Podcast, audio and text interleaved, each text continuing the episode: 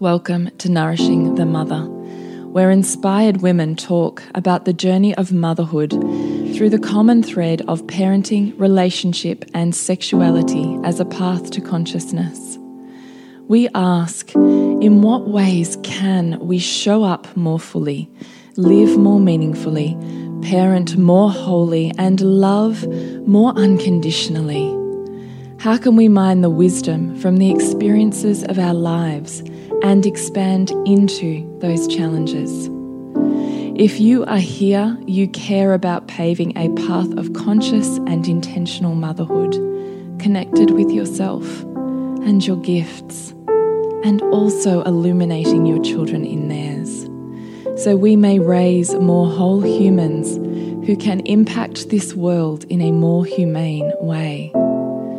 And if you feel like giving a little back to this free content, please become a patron of the show and receive extra member benefits for less than a coffee a month. Or you can leave a review on iTunes and Facebook, all of which helps the podcast keep going and reach more mamas who need this type of tonic for the soul. Head on over to patreon.com forward slash NTM podcast to find out more. We are Julie Tenner and Bridget Wood, and we are so grateful you're here.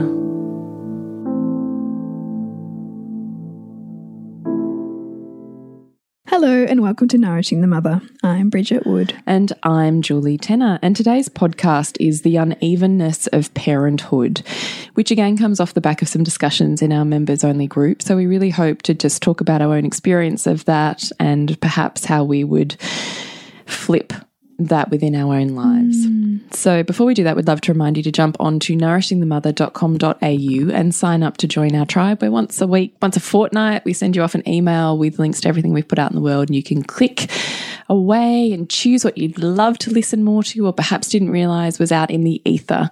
So please join our tribe, nourishingthemother.com.au. We would love to we have would love you. It. Now we've prepared a couple of notes here, and as I'm reading this podcast topic, I'm thinking, God, like there's so much I haven't even like talked to you about that is also in this, which is Oh, great. I love a fresh story, Bridge. well, I'm thinking about like the role of the father or the father figure mm. and how much more we expect of that role than we ever have in before. Mm. And also, similarly, the role of the mother since the, the dawn of feminism, mothers now want fulfillment. Mm. Mothers and women want more beyond motherhood. Beyond motherhood. And so it requires, or is asking of us in this generation, to it's almost like a repositioning of roles and a re-navigating of identity within those roles. And that is what mm. takes us, I think, to this place of maybe unwillingness to accept our perception of this uneven unevenness in parenthood that perhaps our grandmothers' generations would have just accepted as their job, and as we know, often medicated through. Mm. Yeah. So I think it's interesting to frame a conversation like this with where it where it's sat historically and then where we are now mm. around you know the role of parenthood. You know, and then juxtaposed with that or kind of overlaid with that is that raising children now is not just about keeping them alive. Mm. You know? And it's not just about everyone has, you know, the, the, the parents say what goes and children are to be seen and not heard, and, and you know, some of those older concepts of raising children. We all are at a point in, like, I guess, the planetary evolution, I suppose, where there is a desire once basic needs are met, like survival and those kinds of things.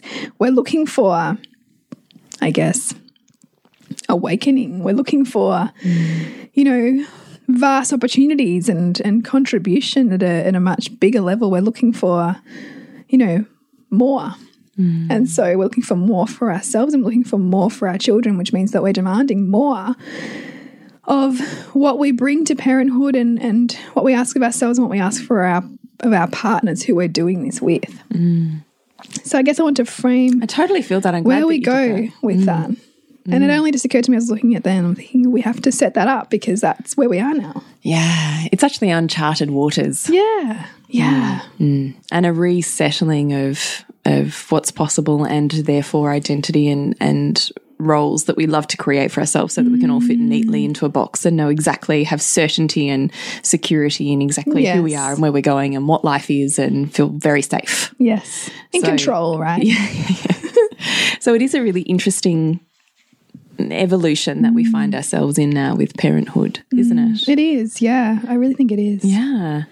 And raising more conscious children as well. So as the as the earth evolves, so too do the humans. Mm. And so what was possible no longer is, and that requires change. And so we we birth change makers. Yes. Yeah, we do, right? Mm. And our children are, you know, our children also I think call us to step up so much in how we parent them to to enable them to be the change makers they're here to be. Mm.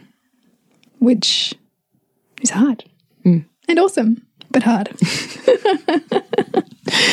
So let's start. I love that you've written notes and I haven't because that's just golden. and I'm so excited to follow your flow. Okay, so I guess the whole concept of unevenness of parenthood. So I think when we when we look at the concept of anything that's that we're deciding is uneven, it's almost like, well, in the mother's case, I do more and they don't do enough. That's the standard kind of, you know. So I'm the one who cleans and makes sure everybody's fed, and I'm planning the meals, and I'm doing the washing, and I'm thinking about the, you know, endless activities everybody's going to, and I'm managing the emotions. So I'm the psychologist as well. So I'm wearing all of these hats, and sometimes these hats feel overwhelming, and you need to do more. Hmm. Kind of gets us to the place of feeling like there's an unevenness. I think it's actually, you're right. I think it's the overwhelm. Yes. As opposed to the doing of anything, it's the feeling of overwhelm Yeah. that has you sitting in this is uneven and unfair for me. it's a mental load as much as it is, you know, not feeling yourself in that role or not feeling like you've got enough space. It's just the the endlessness of needing to keep on top of it all. Mm. And so, what I'd written down here is, you know, it feels uneven when we're resenting all that we have to do and be, and feel like someone should save us. So we've almost got to that point of like, can't do this anymore. It's not fair. Like you end, in that, end up in that place of, you know, wanting to wanting a way out, and so we immediately kind of look upon the person who's doing this role with us to say, okay, Well, we look outside of us yeah, we is look the at- first yeah, the, uh, you know, so whether that's, I mean, quite often it, it is it is within that intimate family. It's it's the partner, and you're looking to them and saying, well, how are you going to do more? You know, or it's looking beyond that to how to get family to do more, or Mm. sometimes you know, it's often I think the mother feeling like I would feel more in control if I had my kids in more days of daycare or more care, so I could go and work, and then I feel more in control. Mm. And I think that that's fairly common mm. as well, and fairly well celebrated, like as women, because you can have that and this and be across everything. Mm. So that's part of it. And then I think that the the someone should save us kind of expression is almost like that. That like you know, it's a bit of the victim story. It's a bit of this feels all too hard, and, and you're not doing enough, and and you should do. and this. I don't have any more solutions or answers, so it needs to come from outside of me. Yeah, yeah. Which is painful to be there, right? Mm. And I think when we get to that point of frustration, there's no mistake in that either because that's calling us into more empowerment. But we get to the empowerment through feeling into the frustration and through feeling into what's not working for me right now. Mm, mm. And through looking honestly at, you know, our partner and what we're expecting of them and how they are or aren't showing up and how we're wanting them to be and maybe often not communicating that to them. Hmm. I would say. We're making assumptions or, you know, almost like setting the trap, aren't we, for them to pass or fail. Yeah, hmm. yeah. Which is not a recipe for, you know, a connected relationship. Hmm. you know, and, and and I think it can reduce the relationship down to roles. Mm. You know, and impersonalize the relationship and disconnect the relationship. Mm-hmm. Which I think every mother has found themselves in that place, you know. And I think that we, just like we disconnect and reconnect to ourselves, we do that in the relationship too. And when we're not connected to our partner, what are we connected to? Like, you know, we're so dynamic and, in, and flowing mm. um, that, that that's not necessarily wrong, but it is, is also calling us back into communication and back into you know, connecting with ourselves and what we're needing, and also what we're projecting out. You know, what are the stories that we're running Mm. that that are, that are leading us to here, particularly if we find ourselves here often. Mm. You know, like that point of like I can't do this shit anymore, like, Mm. or you know, just looking at, you know, and I've certainly found this in my days, like. You know, you look at the washing pile that just feels like I, I, I laugh. I call it Mount Washington, like like it's a joke. But you know, the washing pile that needs to be done, and then the dishes, and then the floor that you can feel grittiness underfoot. Mm. And you know, it's just you. You're almost like this deer in the headlights, going, "What do I do next?" And and, and that's the mm. point at which you can build resentment because it's almost like I want someone else to fix this. Mm. I'm done. Or I don't have any more capacity. Yeah, I, have, I have no more capacity. I don't have it in me. And that's shitty, right? Like it doesn't feel good. But I don't always know that there is the unevenness that we say there is because it's sometimes we haven't always looked at how is our partner contributing that I'm not seeing, hmm. you know, in ways that might be different to how I think contribution looks, maybe. Um, or because you know because our values dictate our contribution to our family. Hmm. You, know, you and I talk about this a lot. Like hmm. having a having a really high value on family looks can look in, infinitely different. You know, in term in terms of you know this family compared to that. Mm. It can look like working 60 hour weeks so that you have a wage that pays for your children's private school and every extracurricular they could possibly experience. Mm. or the holidays, mm. or the big spacious house. Whereas for you, it might look like connection, it might look like listening, it might look like presence. And so you feel like you're contributing all of that, and it's really, you're really showing up. Mm. But it's uneven because you have an absent partner or a partner who, Who isn't showing love in the same way. way, yeah. Because we all communicate our love through our highest values. Mm. And there's no parent that doesn't love their children. But sometimes it just looks different to how we think it should look. Mm. And when we see love as consciously parenting and really listening and respecting our children and perhaps supporting their next level of growth, and we see our, our partners maybe you know, by their behavior disregarding those things, mm. then we can make that mean whatever we want to make that mean mm. without seeing actually that their contribution is is equal, it's just different. Another one that I'm just being reminded of is for whatever reason, our partner is flat on the couch Yeah. and the house is screaming at us and the children are screaming at us, and we still keep going. I'd love to lie on the couch, Yeah. but I can't. Yes. Because there's all this stuff that needs to get done. Yeah. What do you think about that? Yeah, that's an interesting one. I think I still feel triggered by that. Well, I think this is the point, though, right? I think ultimately we're all going to see bias in our world. Yeah. And the point is not that there is or isn't a bias. It's like a mute point. There's no point in even arguing it or spending any time there there. is. Yeah, well, there is, and We there isn't. a different right? Yeah, exactly. So the point is more: what am I seeing? Why am I seeing it? Yeah. What are the beliefs that are there? Yeah. and what is calling for me to step up into and change because what's what I'm currently running and doing is no longer Yeah. working for me. Yeah. So it's for me it's the call of what's next because there's a mm. certain amount of a shell cracking and an identity splitting that has to be mm. let go of in order for that you know newborn person Yeah, to emerge. to emerge. And it's interesting. I'd, I'd said here, you know, how is you perceiving them in a certain way upholding the construct of your own identity? Oh, man, I had to sit with that when you said it. I can still feel it in my body because I get this rise of like anxiety from my solar plexus and then I feel like it like pierces my heart because I so like that's me, mm. right? Mm. Because I micromanage the shit out of everyone. Mm. And then at some point I'm like, well, if I don't do it, it just doesn't get done. And I was having this conversation with you, Bridget, because I tried to step back. I say I did, but you know, I don't know. I'm questioning myself on even that as a belief.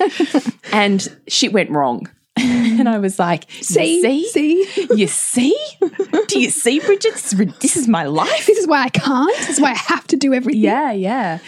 And then when you said that, I was taken back to that moment and I thought, yeah, because I have a fantasy and an infatuation with my identity as capable.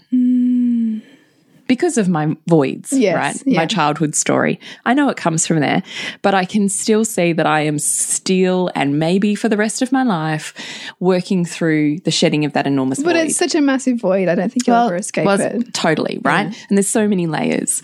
And the truth is, shit doesn't get done because I didn't do it. Well, on some level, yes, it's painful and I'm going through anxiety and anger and all of these horrendous emotions in the dealing with now the chaos. But on some level, I'm also being filled up with it. You see, you need me. Yeah, but you also love the chaos because it gives you something else to micromanage. That's so true. Right. That's so true. And I did micromanage it. Mm. And then filled up my cup and I could pat myself on the back again and go, yes, look how capable I am. look how much you can do. See a really good cycle happening here. Yeah, no, but that's what I mean. I'm, yeah. I'm approaching it with humor, but the truth is, mm. there is a point at which that stings. Mm. Because there is a part of me that that doesn't. I would rather flake out on the couch and be like, "Yo, dude, you do whatever you want to do." Yeah. But my voids won't actually let, me Let get you. so off path mm. To do that. to do that. Mm. And there's genius in that. And at the same time, I'm actually being fulfilled by that. Mm. But it is worth taking a pause to consider the very thing you say you hate is only presenting itself because it still works for you on some or many levels. Mm. And so to come back from resentment to appreciation for its presence, I think is a really humbling place to be. Because then you can see how the people, like my husband, because he was involved in this whole situation, I was like, well, you're an idiot and this whole thing is fucked. And, you know, blah, blah, blah, blah. All of these things that would create disconnection and pain and um, separation between myself and my husband. I can humble myself enough to go, wow, you're actually providing perfectly for me to be able to feel my own sense of self worth mm. because of how it's coming through my values. Do you know what I mean? Yep, yep, I do. So I'm no longer looking at him with unworthiness, but I'm looking at him going, wow, You're actually giving me what I ask for. yeah, just didn't come in the way that I asked for it because I mm. was not conscious of it. Yeah. And we're always going to run into that, right? Yeah, totally. Just interrupting our podcast on the unevenness of parenthood to let you know we have our next live round of Loathing to Loving L2L program coming up at the end of April. If you would love to join us for five weeks of belief busting facilitation, then please check it out. We do have 12 month payment plans. So we would love to have you join us, nourishingthemother.com.au, and scroll down to L2L program to find out more. So I just, I really loved that point when you said it because I thought, yes, mm. on some level, the very thing we hate is still working for us. Mm. So the question is then to bring more more awareness to it. Yeah, and like you know, an example. I mean, in line with with what your you know running pattern is, it's like yours is if I don't do it, it doesn't get done. Mm. But it's deeper than that because it's also you're doing it because of some underlying belief. So you then look at if it doesn't get done, I will be, mm. my house will be, mm. my kids will be. Mm. And we get to the point at which we realize that it almost represents death for us on some level than to go against that pattern because it is often so representative of such a deep wound. Yeah, and but then I think with that deep wound, you can see how it's serving your values. Yeah. and I actually think about you in this too because if you didn't Oh, good. Show, consciously, good. Show me the mirror. no, no, Because sometimes we can't always see our own stuff. no, no, well, I, don't, I think we rarely actually Yeah, can. yeah. But that's why it's good to be in circle because you or in a group of women who are doing Because something it's you see the mirror Yeah. Mm. that you wouldn't see on your own. Anyway, I diverge. What I was thinking of then was if I don't do it, it doesn't get done. And I think about this not only only for you, but so many women in our tribe is when I'm parenting consciously, but my partner isn't. If I wasn't there driving the conscious parenting, driving the conversations, driving the way that our children are treated, responded to, spoken to, uh, given opportunities to, it wouldn't happen. Right? Yeah. Yeah. And so if my children are spoken to horrendously, um, I kind of shoved in the corner somewhere, seen and not heard. Sit in front of the TV all day. Right. Yeah. know, all of these things. What right? we judge as like very unconscious. Yeah. So if I don't bring the consciousness, what will happen? If I don't bring the consciousness, it means in my mind and in my body somewhere, I will be. My kids will be. My life will be. My house will be. You know, and so you can see beautifully in there the core beliefs that are coming from your wounds from your childhood, but also out of those, the values that you are so geniusly motivating yourself to mm. fulfill. Yes. It's really profound, isn't it? Yeah. When you sit in that place and see the mm. service of it. Mm. And I do, though, think the unevenness of parenthood, I mean, to some extent, I think that's a reality based on if you are the stay at home parent. Yes. I don't think it matters, or the parent that's around more, does more pickups, does more drop offs, you know, is home for the meal. Does run. more of what we, what we might call mundane or something. just the the basic getting everyone everywhere meeting needs of Yes. survival. Yeah. If you are the parent who does the majority of that, and that can be a stay at home dad or a stay at home mum or you know whatever version of that it is, ultimately there's more of those responsibilities that fall on you. Mm. But as you were saying at the start, there's other life responsibilities that fall equally on the other person. But we Yeah. can get so lost in our own tunnel when we're not feeling like we're lit up and fulfilled that that's the way we see it. And I think it probably feels more crushing sometimes for the person who's more stay at home or more surrounded by the children because with young children, you don't you get very little spaciousness in your Yeah, head. totally. You know, like you're constantly being asked something Yeah. or being asked to be enthusiastic about something or um just, just you know, you very get very, very little emptiness, I suppose, you know, in, in your head. Yeah. And that feels relentless. Mm. And when that feels relentless, relentless, it's going to feel overwhelming. Mm. And overwhelming feels, you know, feeds that sense that we feel that there's an unevenness. Because the reality is like you're only we're missing out. We're only judging the unevenness because it feels negatively uneven, mm. right? We're not judging it if it feels the other way. So then I think it's about what are the things that I can do to delegate or outsource or build my sense of community in such a way that I can bring more joy to the things that mm. I might otherwise feel are just taxing mm. or relentless, like the washing, for example. I actually come back to last week's podcast when you talked about building vision. Yes. Yeah. So seeing meaning in, you know, and I've talked about that before, like, you know, a lot of what helped me through Sylvie's younger toddler years was seeing the meaning in, like, me washing the high chair down or seeing the meaning in me cleaning because I knew, like, at that developmental stage for her, from Montessori point of view, like she, practical life, she's absorbing that, you know. And so, actually, me bringing more joy to that role is can be inspiring and teaching for her, you mm-hmm. know. So that helped me. Having that intellectual understanding of it was was, just a reframe for me to mm. bring more joy I love that. That's to beautiful. like you know mm. what we might just label as like the endlessness of mm. because Steiner see it the same way too. yeah, you know, of, of running a home. And I think sometimes we, because, you know, homemaking is not at all valued You No, our and in fact judged now. really judged, Yeah. right? Because you can just get a cleaner for that shit. Yeah, So why would you do it yourself? You know? Or, or just, there's so many things you could be doing in the world instead of cleaning or instead of picking up after your children. But when we look at it from a very narrow, more masculine productivity point of view, we miss out on on energetically what it can create. And I think energetically is where Steiner and Montessori mm. sort of come at it from. Mm.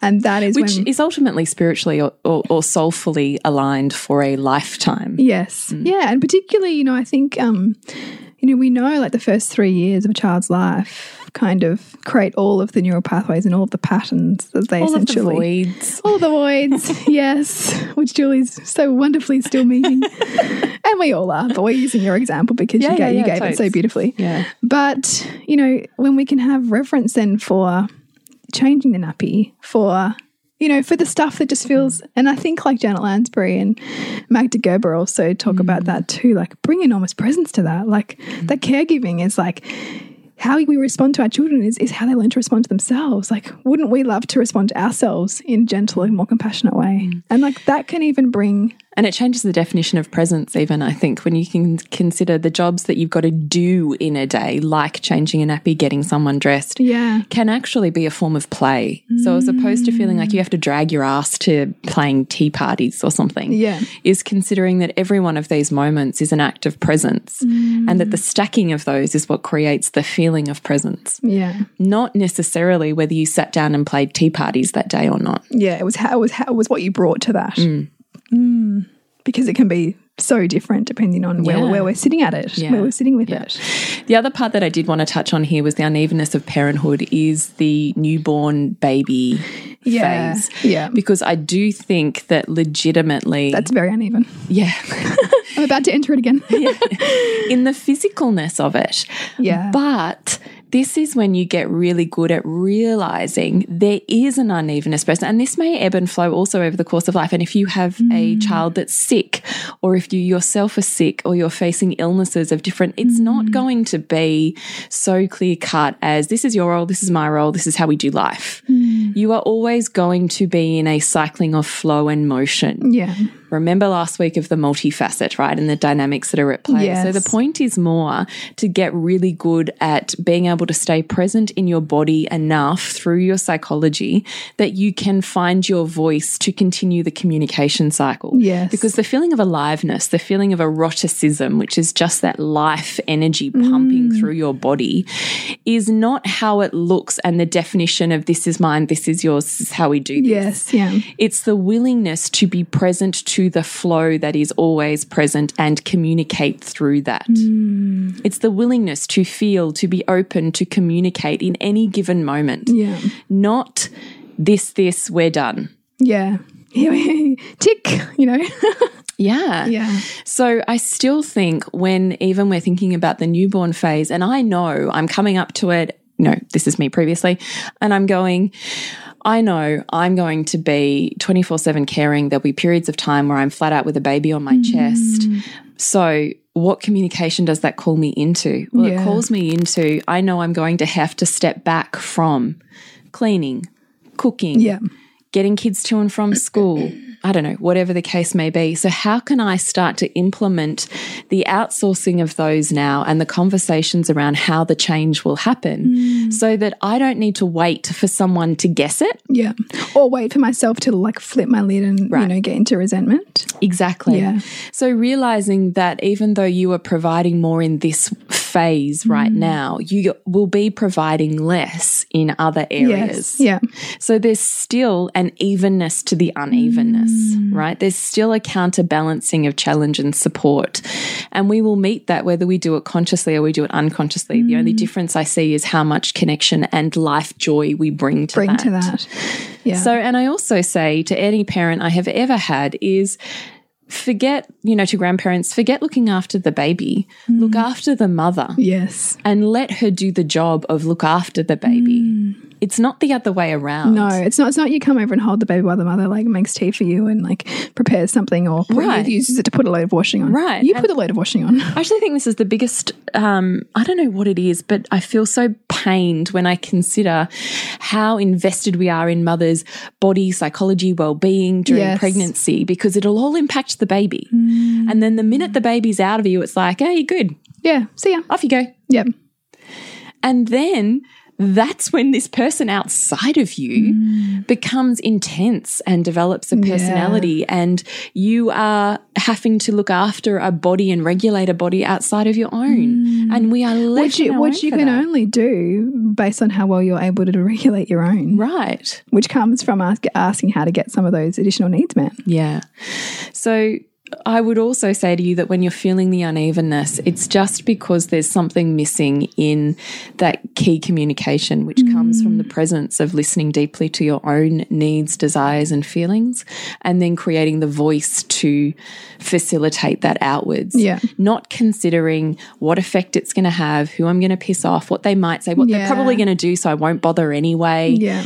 It's actually getting beyond your story enough mm. to be willing to see further than that and yeah. coming from it from a place not of resentment and well you should because I can't mm. but from a place of I can totally see that this is how we're functioning but I really right now like me last week right now I need more of me mm. how can we do that together mm. so I can bring more yeah so, and it is planning, right? Because I guess we, it's like we perceive the uneven, we get to the point of feeling really uneven when we haven't looked ahead at what we're going to be facing and what the challenges might be and how can we meet those, you know, so that we've, as you say, like, yes, you're going to be feeding constantly. So, who's going to do all the other things? Right.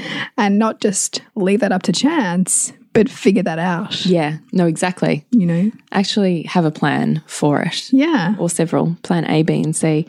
And when it doesn't work, also being able to have a voice that moves with that mm. and a body that that cries that out yeah. and has a cycle that lets you feel all of that rather than trying to, you know, rubber stopper that that cycle from from coming out because if it comes out it's too big or too much mm. or what does it mean? Yeah. Yeah.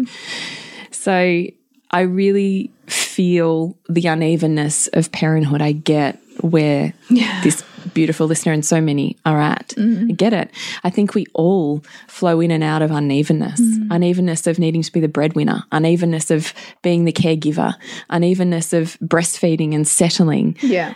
But we also always have a choice to change it. Mm. And I think sometimes, you know, getting to that place, it requires us to be incredibly honest with ourselves, mm. honest with ourselves about our changing values, honest with ourselves about our transforming identity, honest with ourselves yeah. about the fact that maybe what once inspired us no longer does. Mm. And the beliefs that hold us back. Yeah. Like I think about this even in terms of a baby. Well, I have to be there because no one else can put the baby to sleep.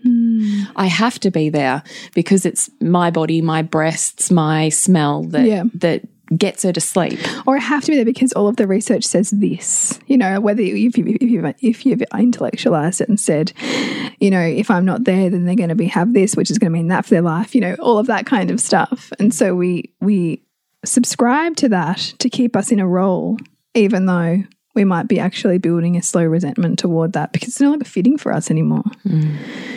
But that requires a busting open of identity and belief. And belief. Mm. And considering coming back to the start of the podcast, the meaning mm. I will be, they will be, the house will be. Yeah. And really feeling into the voids that are fueling you to motivate you in, in what feels like a negative mm. way at the moment, but mm. is actually still trying to be on the path to fulfilling what you're here to do. Yeah. But we often just can't read it that way. Mm. So, if you would love some help to read what's going on for you, we'd love you to join us for Loathing to Loving at the end of April. We have a five week round, and you can find out more on nourishingthemother.com.au and click L2L mm, program. We'd love you to join us. And to connect with you, Jules, is thepleasurenutritionist.com and Newbridge, suburbansandcastles.com. Remember to nourish the woman to rock the family. And we'll see you next week when we continue to peel back the layers on your mothering journey. And if you want to support Nourishing the Mother and all the late nights, the early mornings, the blood, sweat, and tears we pour into our art, then please go to patreon.com forward slash NTM podcast and become our patron. As a patron, you're helping all of the cost of operating this podcast, the hosting, the editing, the transcription, helping all of that be completely covered, and joining a community who are all about honouring our journeys and continuing to open. The more support we have, the longer we can last. So become a patron. We'd love to have you. Go to patreon.com forward slash NTM podcast. We literally couldn't do this without you. Thank you so much for listening, and please share this podcast with anyone you think it would be medicine for.